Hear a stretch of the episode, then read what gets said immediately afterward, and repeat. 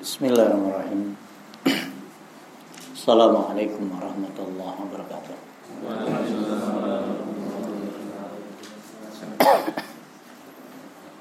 Innal hamdalillah nahmaduhu wa nasta'inuhu wa nastaghfiruh.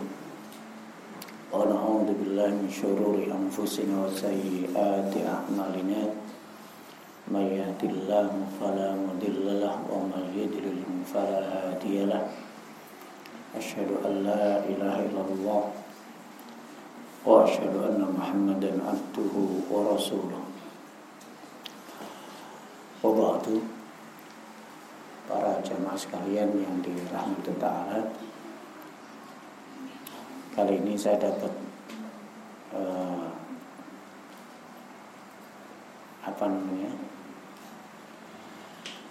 limpahan amanah dari adik saya Hasan ya untuk sharing tentang masalah parenting atau masalah keluarga. Tadi saya sampaikan tentang keharmonisan keluarga itu menjadi syarat sukses dalam mendidik anak.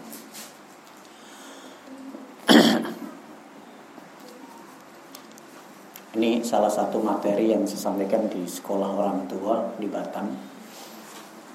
Jadi keluarga yang harmonis itu menjadi syarat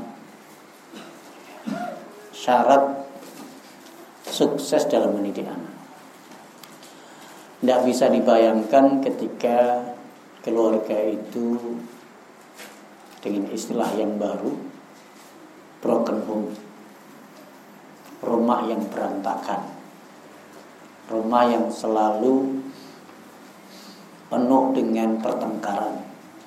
Suami istri bertengkar terus, berantem terus. Itu nggak bisa dibayangkan bagaimana anak anak itu memiliki jiwa. Dia punya rasa, merasakan dampak dari peperangan yang terus berlanjut tiap hari orang tua, ayah dan ibu. Ketika perang terbuka, mereka melihat, mendengar dan selalu menyaksikan itu pemandangan tiap hari. Itu berdampak besar pada psikologi kejiwaan Perang dingin saja itu mereka merasakan. Bapak ibu e jodaan menengan gitu. telung dino itu anak merasakan ini kok ada hayat sesuatu yang hambar gitu. apalagi yang perang terbuka ya. peperangan yang terus berlanjut saya pakai istilah perang agar lebih ngeri gitu ya. Karena terus berantemnya ayah dan ibu tiap hari itu dampak buruknya adalah anak itu punya rasa malu yang besar sebenarnya. Ada rasa malu, ada rasa takut.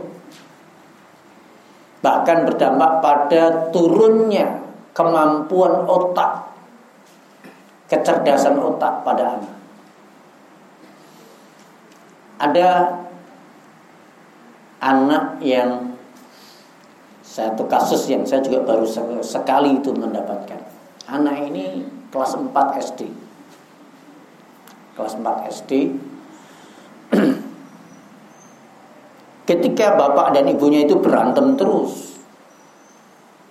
Hingga anak ini memiliki rasa takut yang luar biasa, ketakutan. Sampai kemampuannya, kemampuan kognitifnya, kecerdasannya itu drastis ke anak TK. Bisa dibayangkan kelas 4 SD kemampuannya akhirnya drastis ke, ke TK. Dari mana kita tahu? Dari gambarnya. Dia gambarnya itu seperti gambar anak TK. Tulisannya seperti tulisan anak TK. Yang sebelumnya bagus, tulisannya bagus, gambarnya bagus. Tapi karena sering lihat bapaknya membanting pintu ibunya melempar piring itu langsung drastis selalu takut itu dampak dari peperangan yang terus berlanjut jadi ada rasa takut ada rasa malu. Mereka malu juga sama tetangga sebelah. Sama temennya. Bapakmu kok berantem ya? Itu tadi lagi lagi berantem ya? Malu sama temennya yang sepermainan. Sama-sama suaranya keras. Ada rasa takut ada rasa malu. Dan dampaknya apa yang terjadi?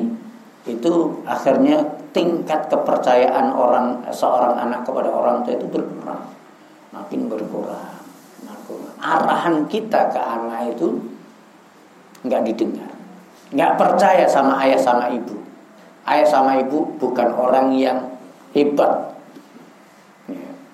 nggak bisa dia nggak bisa didik dirinya sendiri kok masuk didik saya. Itu kalau mereka bisa bicara, tapi dia nggak bisa bicara. Ya. Jadi dia aja nggak bisa mengelola kemarahan. Bagaimana dia nyuruh saya supaya sabar, supaya saya selalu tenang. Sementara ayah dan ibu selalu bertengkar tiap hari. Ini. Jadi keharmonisan itu sesuatu yang harus ya, sebelum kita mendidik anak, selesaikan dulu masalah kita dengan dengan pasangan. Sudah harus selesai. Kalaupun toh berantem itu sebelum punya anak itu. Udah punya anak sudah selesai, nggak ada berantem lagi. Masalahnya sudah bisa saling mengelola emosi. Sudah tidak egois lagi. Ya. Sudah mulai mengedepan ngiman anak. Kalau orang Jawa ngiman anak. Ya. Nggak ada untungnya berantem terus. Jadi ada hal yang harus kita pahami di situ yang dibutuhkan untuk tumbuh kembangnya anak dengan maksimal itu adalah anak itu butuh rasa aman. Dulu katanya pernah saya sampaikan juga ya. Pernah nggak saya sampaikan? Ada kebutuhan mendasar anak itu.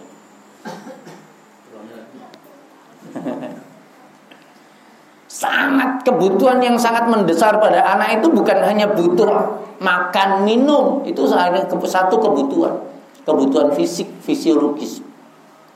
Tapi yang kedua kebutuhan rasa aman dan nyaman. Butuh rasa aman nyaman. Yang ketiga nanti saya katanya suruh meroja dulu kata selesai yang ketiga anak itu butuh untuk dicintai dan mencintai yang keempat itu anak itu butuh untuk dihargai dan menghargai, diterima, diterima, dihargai, diakui. Yang kelima anak-anak itu butuh untuk mengaktualisasi mengaktualisasikan ide dan kreativitas. Sudah pernah dibahas nih? Udah? Karena jarang-jarang ketemu lupa ini. Jadi yang saya ingin bahas adalah anak butuh rasa aman, nyaman. Aman, nyaman. Negara kita sudah aman. Dan ini yang diminta oleh Nabi Ibrahim. Ketika sudah meninggalkan Ismail dan Hajar di satu lembah yang tidak ada penghuninya. Lembah yang tidak ada tanaman.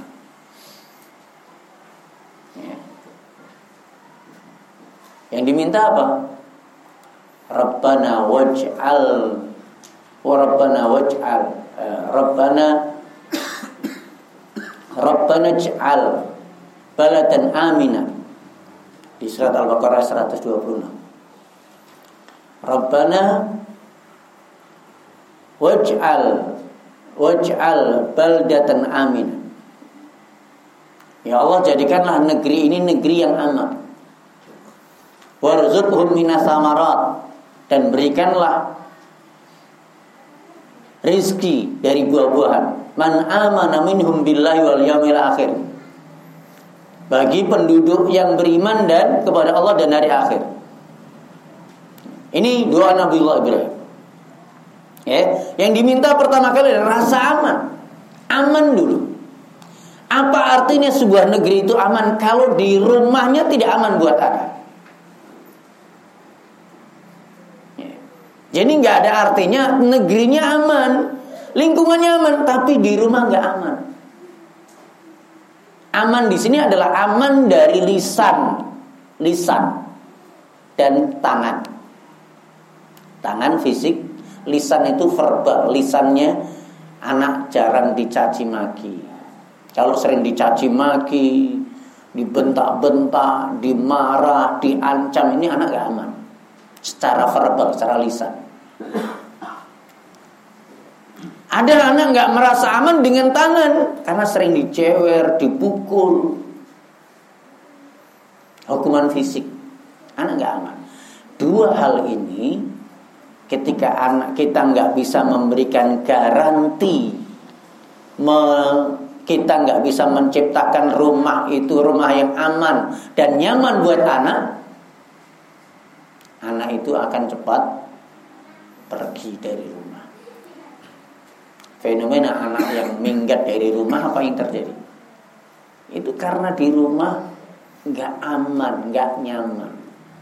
Yang sangat mendasar buat dia itu dia aman.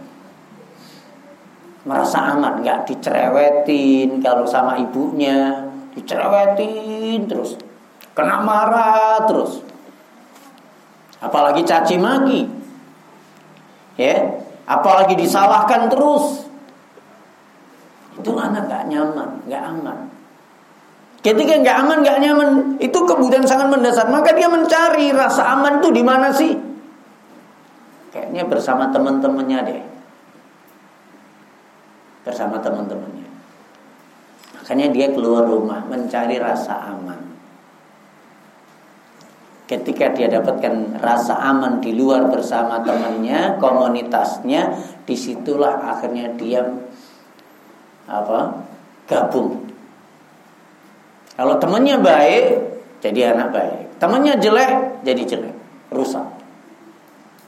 Kita akhirnya orang tua nggak punya anak lagi. Begitu anak kapan mulai mulai berani keluar rumah, minggat dari rumah ketika ABG. Mulai ABG, mulai remaja, mulai berani mengambil risiko. Jadi anak-anak ABG itu tidak serta-merta salahnya anak, tapi lihat latar belakangnya di rumah biasanya orang tuanya nggak harmonis. Ini naudzubillah kalau sampai itu terjadi pada keluarga orang yang sudah ngaji. Udah ngaji lama tapi berantem terus suami istri. Anaknya minggat, kenapa? Mana anakmu? Minggat. Malunya di sangat malu. Makanya kita harus tahu bagaimana mengharmoniskan keluarga. Itu. Ada beberapa cara yang ingin saya sampaikan di sini untuk mengharmoniskan keluarga itu. Yang pertama, eh, suami istri itu harus punya target dalam hidupnya. Target dalam hidup untuk menjadi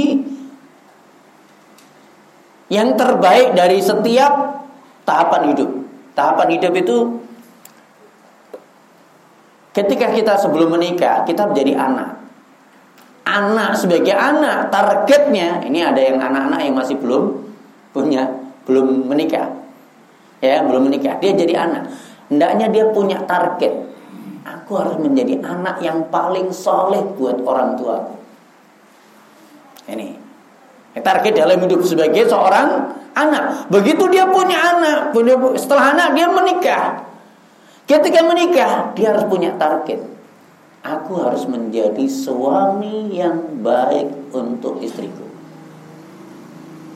Aku harus menjadi istri yang soleh untuk suamiku. Nah, di sini. Ini harus jadi target Tahapan ada tahapan sebagai anak, ada tahapan yang kedua ketika menikah. Setelah menikah punya anak, targetnya aku harus menjadi seorang ayah yang baik untuk anak-anakku. Aku harus menjadi seorang ibu yang baik untuk untuk anak-anakku. Itu ketika dia punya anak. Jadi setiap tahapan kehidupan selalu punya pasang target. Inilah saya harus punya target menjadi yang terbaik. Lah, yang terbaik ini di sini apa? Ini saya ambil dari uh, faedah di surat Al-Mulk ayat 2. Allah Ta'ala mengatakan Alladzi khalaqal mauta wal hayata liyabluwakum ayyukum ahsanu amala. Allah yang menciptakan khalaqal mauta, kematian dan kehidupan untuk menguji kalian. Siapa di antara kalian yang terbaik amalnya? Siapa di antara kalian yang terbaik? Ketika sebagai anak, siapa yang terbaik amalnya? Ketika sebagai seorang suami, istri, siapa yang terbaik amalnya? Ketika sebagai ayah dan ibu, siapa yang terbaik amal? Menjadi yang terbaik itu adalah sesuatu yang harus menjadi target dalam hidup. Akhirnya di sini kita fastabiqul khair Ahsanu amala kata Fudal bin Iyad adalah akhlasuhu wa aswabuhu. Yang paling ikhlas dan paling sesuai dengan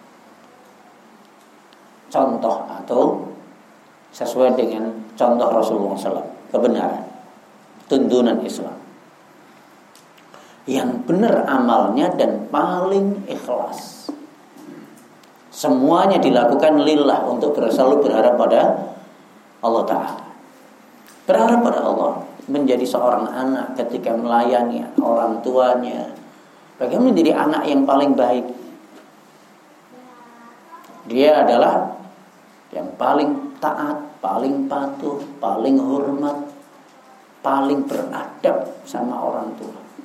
Di antara saudara kandungku, aku harus menjadi yang paling hormat sama ayah ibu. Aku yang harus menjadi seorang anak yang paling taat kepada ayah dan ibu. Anak yang baik dengan yang terbaik beda. Contoh, ada ayah atau ibu yang sakit. Biasanya rata-rata kalau bersaudara akhirnya karena sakit butuh biaya besar, apa yang terjadi? Kumpul musyawarah, ayo kita urunan untuk biaya ayah dan ibu. Semua mau urunan, semua mau iuran. Semuanya anak baik, anak soleh. Tapi yang tersoleh, tunggu dulu. Biarkan biaya ayah dan ibu aku yang nanggung. Kalian gak usah. Itu anak yang terbaik. Nah, itu, itu yang terbaik. Yang paling memberikan perhatian waktu untuk ayah dan ibu. Paling memberikan kepatuhan, ketaatan kepada ayah dan ibu. Itu yang terbaik. Anak baik banyak, tapi yang terbaik hanya satu. Dia yang mau berkorban apa saja untuk ayah dan ibu. Lah setelah itu tahapan berikutnya jadi ayah dan ibu, jadi suami dan istri dulu, suami dan istri. Suami dan istri di sini ini mengharmoniskan. Ketika suami dan istri setelah menikah, tidak ada target ini akan sulit untuk harmonis itu sulit. Ketika menikah apa yang pilihan yang pertama apa? Ketika memilih pasangan apa yang pertama kali? eh? Cantiknya gantengnya. Ya kan? Cinta akhirnya tumbuh cinta. Aku seneng. Kenapa seneng? Soalnya ayu. Soalnya ganteng. Pertama kali katanya cinta itu tumbuh dari mata turun ke hati. Ya kan? Nggak ada responnya. Kayaknya nggak benar Ustaz ini gitu. Kalau uh, keluarga itu saya katakan di sini perlu antum pahami. Keluarga itu kalau dibangun hanya rasa cinta itu rapuh pak. Nggak akan pernah harmonis dan itu hanya sebentar harmonisnya. Rapuh. Cinta itu kenapa cintanya itu hanya sekedar dari fisik? Rata-rata dibangun dari fisik. Karena cantik karena ganteng. Dan itu dimakan dengan usia. Nggak lama Jadi bagaimana mengokohkan keluarga itu supaya hubungan suami istri itu selalu selalu ada keharmonisan, ada kekuatan saling memberi, saling membahagiakan. Kekuatan ikhlas. Ikhlas. Ya. The power of ikhlas. Kekuatan ikhlas. Kekuatan ikhlas ini tidak akan pernah berhenti dalam memberi. Tidak akan pernah berhenti dalam berbuat baik kepada pasangan. Ya, contoh. Ibu-ibu, saya kasih contoh. Ingin memberikan surprise untuk suaminya. Suaminya suka makan soto soto itu dan lama nggak makan masak soto akhirnya buat soto. Ya. Soto kesukaan suaminya surprise untuk suami. Ternyata setelah sampai di rumah ya dia nggak punya selera makan. Nyentuh aja enggak bahkan dia nggak lama kemudian izin pergi lagi. Bagaimana ibu? Rasanya ketika masak soto udah untuk suami tapi nyentuh aja enggak, ngerasain aja enggak. Apa yang terjadi? Kecewa, kecewa, kecewa berat. Lah ini belum ikhlas. Ini belum ikhlas ini. Udahlah, besok nggak usah lagi bikin soto-sotoan. Besok nggak usah lah. Aku udah capek-capek masak soto. Nyentuh aja nggak? Coba. Nah, ini nggak ikhlas. Padahal ini sudah ditulis sama Allah itu sebagai amal soleh sebenarnya. Kalau dia berharap pada Allah, masak soto untuk siapa? Untuk karena mengharap pahala dari Allah, bukan berharap pujian dari suami. Bukan berharap agar dihargai suami, bukan berharap agar ditambah uang belanja dari suami. Tapi masa itu tadi, aku membahagiakan suamiku adalah amal yang paling dicintai oleh Allah. Ketika Rasulullah ditanya, "Ya Rasulullah, ayul a'mali ahabbu ilallah?" Ya Rasulullah, amal apa yang paling dicintai oleh Allah? Kata Rasulullah SAW, sururun tudkhiluhu ala qalbi muslim. Kebahagiaan yang kamu berikan kepada seorang muslim. Engkau membahagiakan saudaramu. Nah ini membahagiakan suami lebih daripada saudara. Membahagiakan suami, membuat suami bahagia itu adalah bentuk amal yang paling dicintai oleh Allah. Kalau ingin dicintai ini adalah targetnya dicintai oleh Allah, bukan dicintai suami. Bukan dicintai suami. Jadi tetap tadi walaupun nggak disentuh suami, nggak dirasain suami sotonya, karena lagi nggak ada selera makan, mungkin banyak masalah di kantornya, di tempat kerjanya lagi dan stres. Gak ada selera makan. Sudah. Tapi Allah tetap menulis ini adalah amal soleh. Tetap ditulis. Tapi kalau kecewa, marah-marah, ini tadi ini nggak ikhlas. Besok apa? Kapok. Besok newis lah. Prasoto-sotoan Suami juga begitu. Ya. Ada contoh-contoh yang yang banyak sekali. Ketika suami itu juga berharap pada istri berharap agar lebih sayang agar lebih menghargai agar lebih mematuhi kita akan kecewa. Tapi kalau berharap sama Allah Ta'ala udah tak tambah uang belanja enggak juga menghargai suami. Nggak ngerti juga istriku itu aku udah datang pulang lebih awal, enggak juga tetap dicereweti.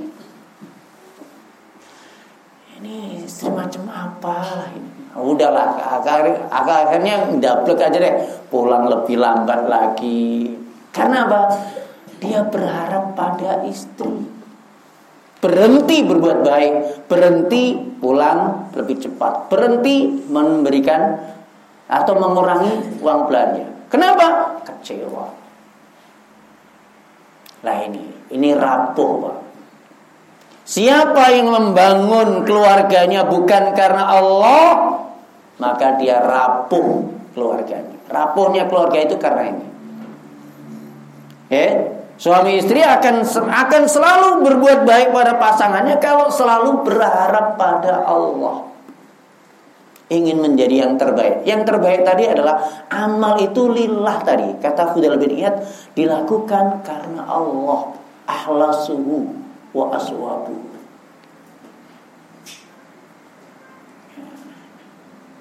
Jadi hal yang patut kita perhatikan di sini adalah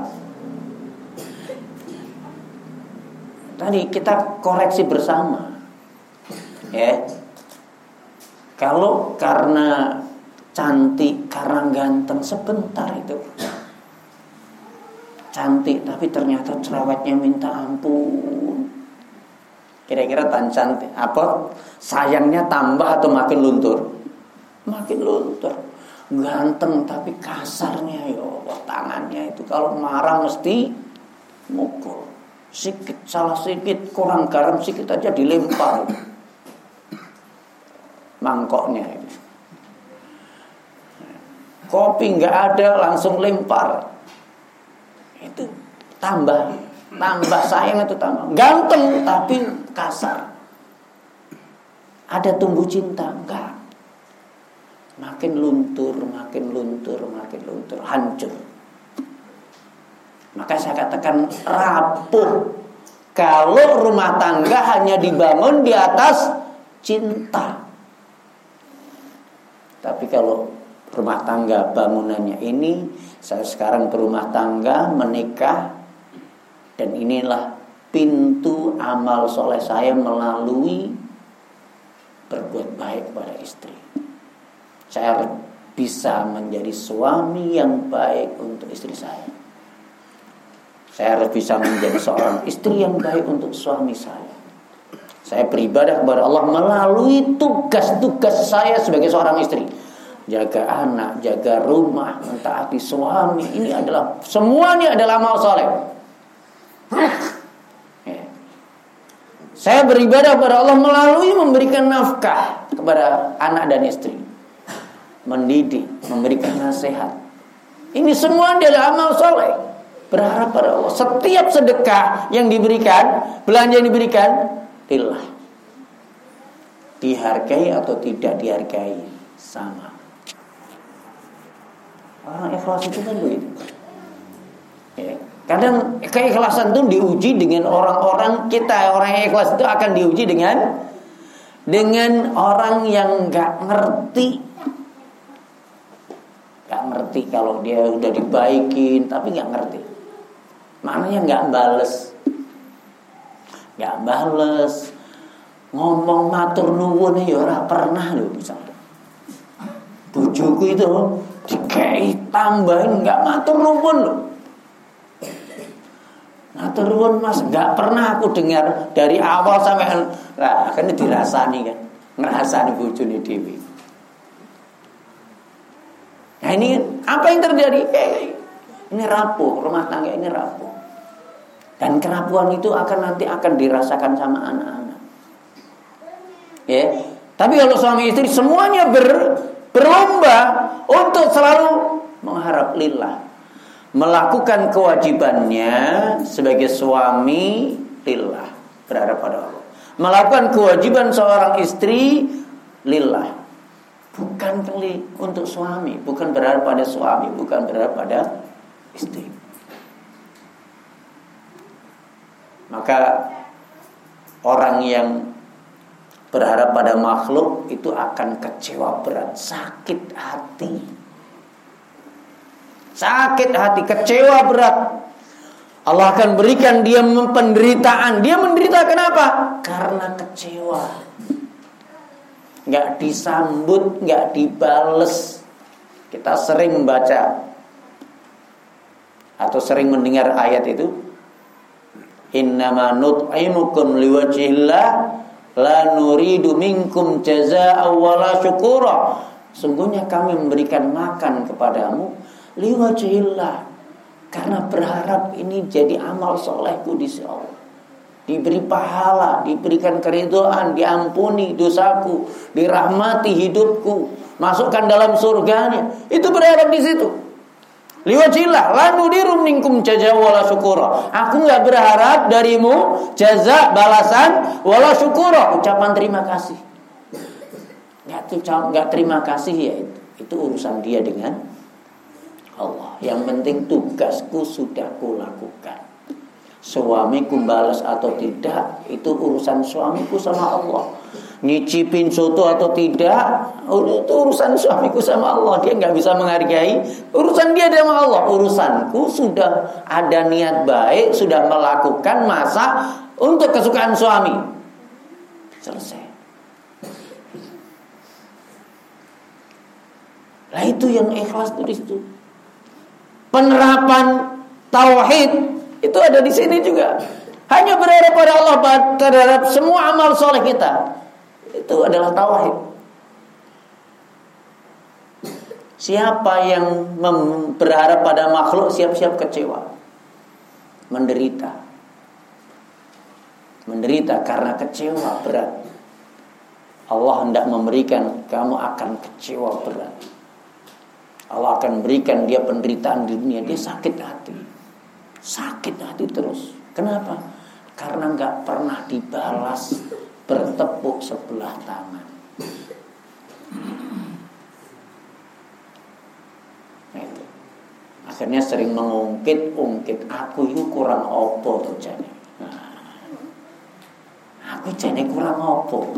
Jadi bujumu jane aku kurang opo tadi. akhirnya nyebutkan kebaikan pun. Apa yang terjadi? Ini akhirnya membongkar habis membatalkan amal kebaikan selama ini. Ingat, setan itu selalu menggoda kita. Ada pertengkaran sedikit, akhirnya ngungkit-ngungkit semua kebaikan. Ngungkit-ngungkit semua, apa yang terjadi? Di ketika diungkit-ungkit, sudah batal semua. Gak jadi amal soleh. Gak jadi amal soleh. Makanya di sini eh, kita perhatikan menjadi yang terbaik itu sebagaimana dalam hadis eh, riwayat Imam Tirmidzi. Ya. Dari Abdullah bin Abbas radhiyallahu anhu Nabi SAW bersabda khairukum khairukum li ahli Sebaik-baiknya adalah yang paling baik sikapnya dalam eh kepada keluarganya wa ana khairukum li ahli dan aku yang terbaik dari kalian dalam berbuat pada keluarga Kata Rasulullah, aku yang terbaik di antara kalian dalam memberikan menyikapi kepada keluargaku.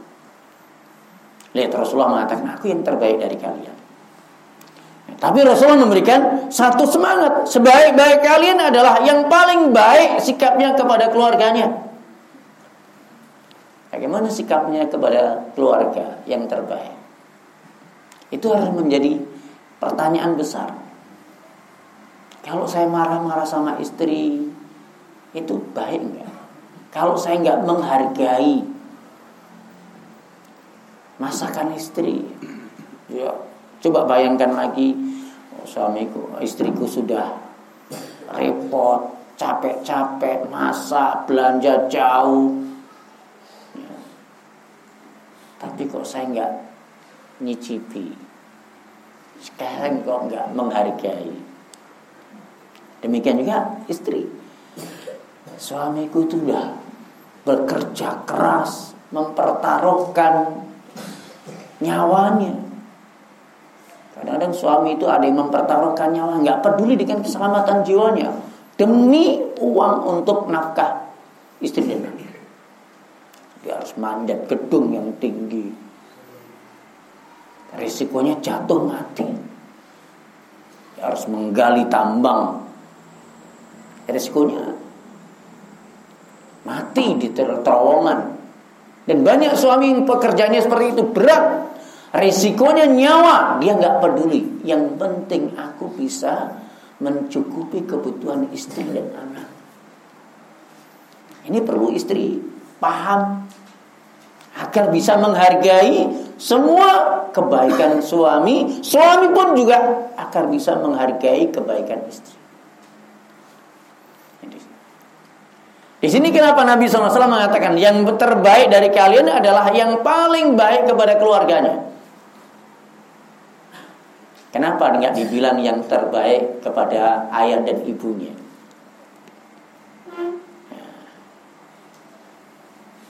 Karena kesaksian yang paling yang paling besar itu kesaksian istri karena istri itu adalah tahu tahu aib-aib suami, kekurangan-kekurangan suami. Istri yang bergaul 24 jam berinteraksi dengan suaminya. Tahu sifat wataknya yang sebenarnya itu istri. Bagaimana sikapnya suami kepada istri? Yang paling tahu baiknya seorang laki-laki adalah istrinya, bukan ibunya. Karena barangkali ibunya ketika masih kecil, ya, dia, tapi barangkali dia punya perubahan watak. Ya. Ada seorang laki-laki dia selalu baik kepada kepada temannya sekerja. Kalau tanggal muda traktir. Temennya bilang ini orang baik. Siapa? Si Ahmad, masya Allah. Pak Ahmad itu beliau baik. Semua temannya bilang baik. Tetangganya pun seperti itu. Tetangganya bilang baik. Tapi istrinya enggak. Enggak. Itu suamiku itu laki-laki yang pelit. Sama temennya sering traktir tapi istrinya enggak pernah ditraktir. Nggak pernah diajak makan keluar. Sama temennya sering ditraktir. Sama saudaranya sering dikasih hadiah. Ibunya sering kasih, tapi istrinya enggak, dia pelit. Menurut istrinya pelit. Ada Iya. Ada seperti itu. Ya. Nampaknya baik, nampaknya masya Allah. Kita itu sering tertipu dengan penampilan. Ya, penampilan temen itu, masya Allah, jenggotnya paling panjang, pakai gamis terus. Kalau jangan tersinggung loh ya. Kalau duduk taklim paling depan, paling duluan, dia jadi koordinator, jadi panitia, masya Allah. Selalu, tapi istrinya tersiksa hidup bersamanya nafkah nggak pernah beres, sering main tangan, caci maki. Ini bukan apa artinya ini semua. Kesaksian terbesar adalah ketika seorang istri, seorang laki-laki, seorang perempuan itu mengatakan suamiku adalah laki-laki yang baik. Itu baru Allah catat dia baik. Tapi kalau kesaksian temannya, keluarganya, uh, tetangganya belum istrinya, belum. Belum tentu baik. Tapi kalau istrinya mengatakan suamiku suami yang baik. Dia peduli, dia dermawan, dia perhatian, dia punya empati, dia sayang, dia tanggung jawab. Istrinya yang menjadi saksi. Makanya kata Rasulullah SAW, khairukum khairukum li ahli. Ter yang terbaik dari kalian dan yang paling baik sikapnya kepada istrinya. Lihat, istri jadi saksi kita. Gitu. Makanya ini bagaimana sikap kita kepada seorang istri, seorang suami kepada istri itu ditentukan. Baik buruknya kita itu saksinya istri. Istri kita mengatakan enggak ya Allah, dia dulu pelit, dia dulu kasar, suka mukul, suka saksi maki. Kita bukan orang baik. Itu saksi yang sebenarnya. Ya. Lah, bagaimana menjadi seorang istri yang terbaik? Nah, tadi suami yang terbaik itu adalah yang saksinya adalah istrinya. Istrinya mengatakan suamiku laki-laki yang baik. Itu jadi saksi. Bagaimana dengan seorang istri? Tentu ini juga sama. Ya. Sama. Sama tetangga, sama ini. Semuanya baik, tapi sama suaminya Masya Allah. Nampak cadar. Ya. Baju bajunya hijabnya sempurna Selalu statusnya bagus, statusnya seperti seorang ustazah. Statusnya seperti orang punya ilmu tinggi, tapi sama suaminya nggak pernah menghargai. Selalu menjawab, selalu menentang. Gak ada artinya. Suami jadi saksi tentang kebaikan seorang istri. Maka Percuma kita membangun image di luar itu baik, tapi ketika di rumah kita ternyata kita bukan orang baik. Menurut pasangan kita bukan orang baik, itu bukan orang baik. Itu baru kesaksian manusia loh ya. Itu dalam rumah tangga kita. Apalagi nanti di Allah Allah akan bongkar semua kita kita itu masih banyak ditutupi aib-aib kita sama Allah, dosa-dosa kita, kekurangan ditutupi Allah. Kalau nggak Allah tutupi dosa kita, aib kita, kekurangan kita, tidak ada orang yang mau bersahabat dengan kita. Nggak ada yang mau bersahabat, nggak mau, nggak ada yang mau nikah sama kita. Nggak laku-laku, sama-sama nggak laku-laku. Bujang semuanya. Tapi karena Allah tutupi aib kita, dosa kita, kekurangan kita. Akhirnya cepat laku. Wah ini ganteng, ini cantik ini, ini soleh, solehah ini. Udah pakai jilbab, udah pakai jenggot, ya pasti saya bahagia. Allah masih tutupi aib kita. Nanti di akhirat ada hari Allah bongkar semua rahasia yaumatu sarair. Hari ketika disingkap semua rahasia. Nggak ada lagi aib kecuali semuanya ternampak siapa kita sebenarnya.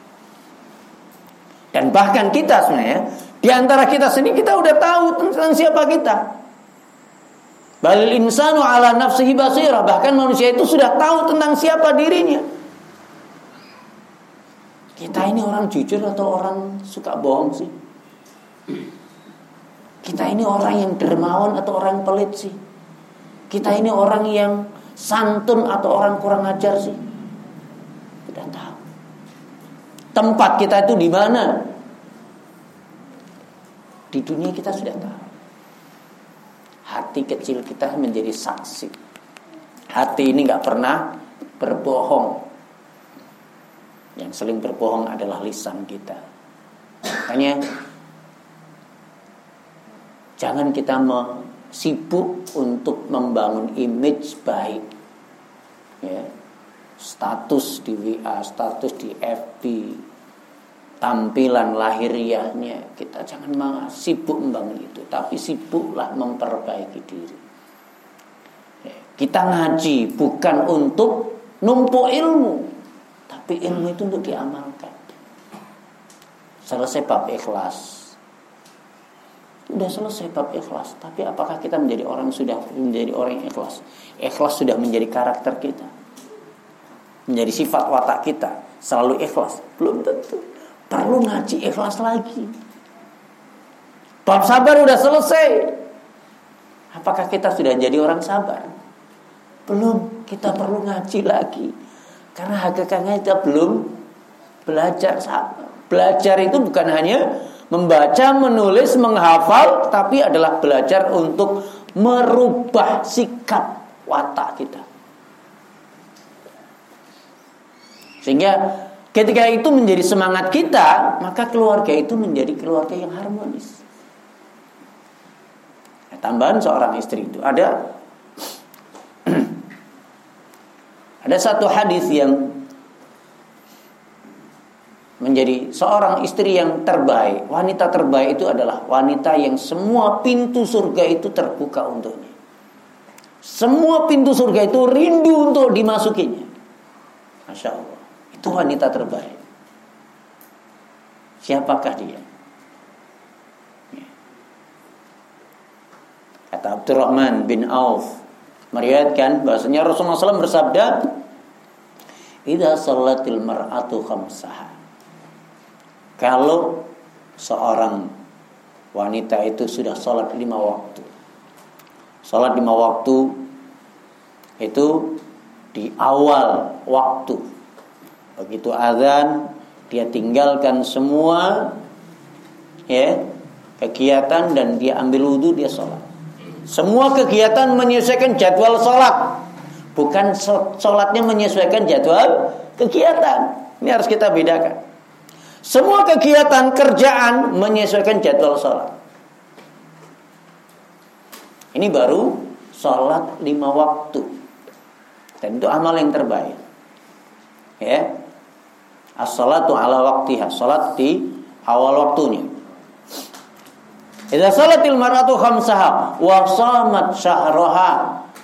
Dia puasa di bulan Ramadan. Wa hafidat farjaha. Dia menjaga kemaluannya.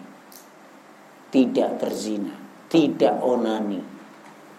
Dia terjaga kemaluannya hanya untuk suami. Yang keempat, wa ata'at. Dia mentaati suaminya. Ada empat. Apa yang pertama?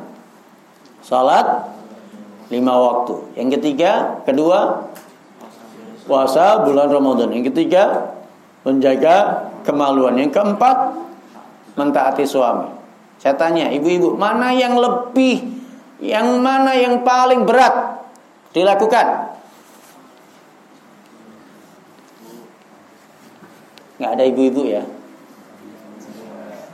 Saya melakukan survei pak, karena kajian saya biasanya kajian ibu-ibu. Kalau di Batam itu saya kajian ibu-ibu, karena ibu-ibu seringnya parenting sama keluarga.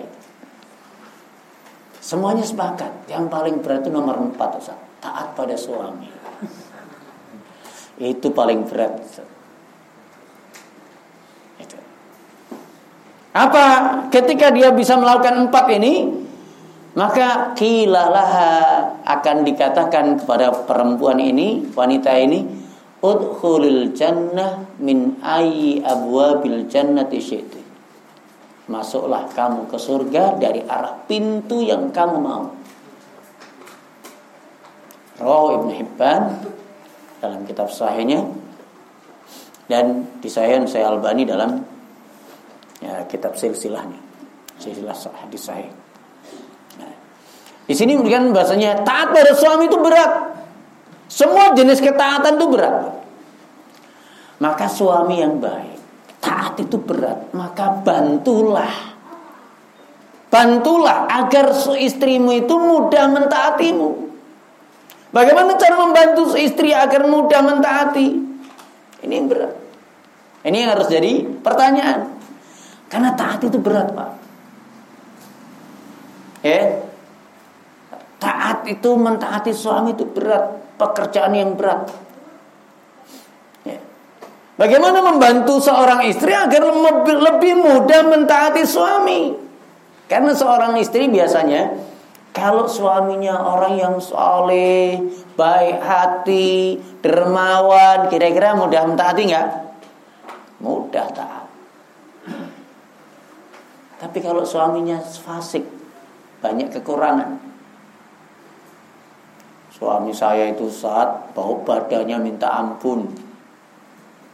Bau mulutnya minta ampun. Nah, berarti harus dibantu dong.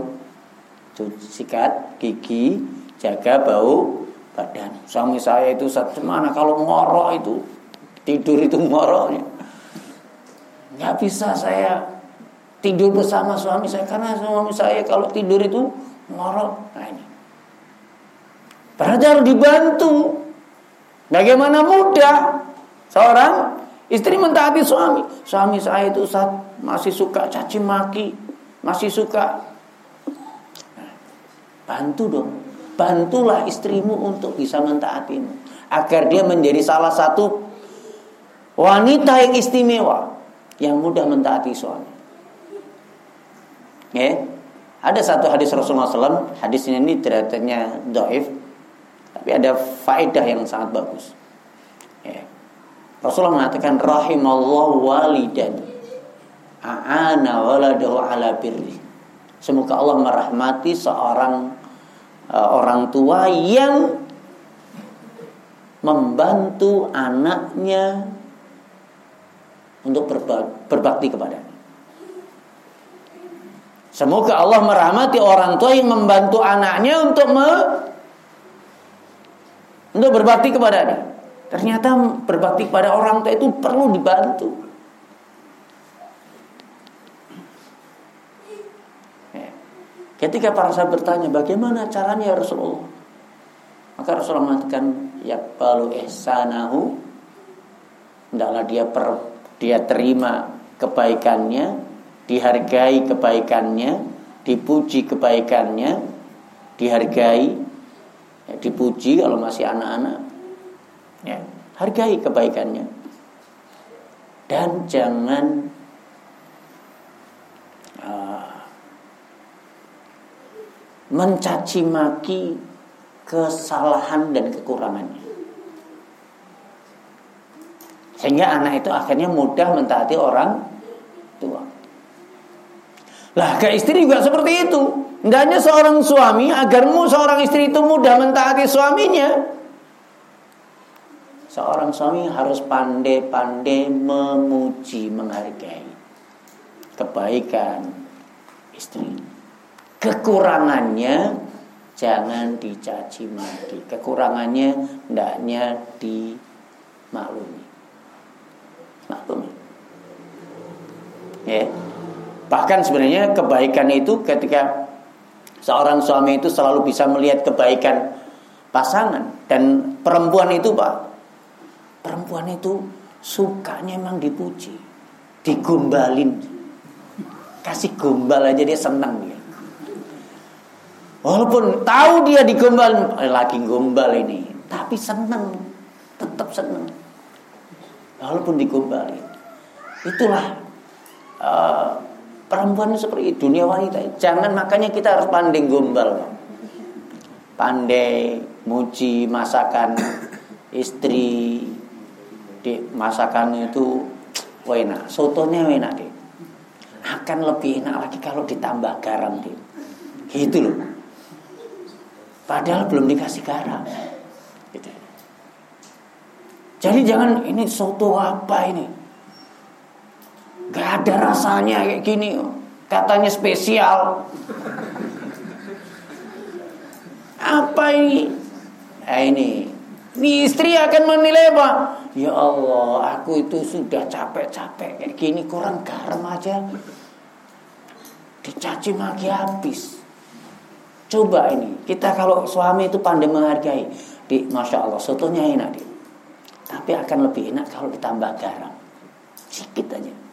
Padahal memang belum dikasih garam. Kan ada seninya begitu. Puji dulu baru dikasih masukan. Gitu. Dek, kulihat kamu itu sama temanmu itu selalu bahasanya itu melipir. Aku seneng banget di bujuk ini. Akan lebih senang lagi kalau kalau suami, sama suami juga bahasanya melipir ya. Selalu memilih bahasa lah kayak gitu loh. Itu kan enak didengar. Kamu percuma aja sama temanmu itu bahasanya melipir sama suami kurang ajar. Eh ini nggak enak. Nanti akhirnya padu. Kayak gitu. Jadi ada seni memperbaiki istri itu awali dengan pujian, baru kemudian kasih masukan. Jangan langsung kritik. Jangan langsung disalahkan. Puji dulu. Gitu. Dek, kamu itu kalau pakai jilbab itu panggungnya Masya Allah. Cantik. Tambah sempurna. Akan tambah sempurna kalau akhlakmu itu sama suami lebih baik lagi. Nah, itu. Jadi enak. Dipuji dulu, baru dikasih masuk masukan gitu. Jangan langsung ya cantik percuma sama suami, sama suami nggak nggak menghormati. Ah itu ya. Akhirnya padu. Tapi kalau dipuji dulu, baru kasih masukan, ah, enak. Dia akan mesam-mesem. Itu nggak jadi padu. Itu keharmonisan begitu. Gitu. Di jam saya udah jam 7 ini kurang 5 Ya, mungkin itu dulu uh, yang bisa kami sampaikan karena tadi disampaikan sampai jam 7. Ada pertanyaan nggak nanti?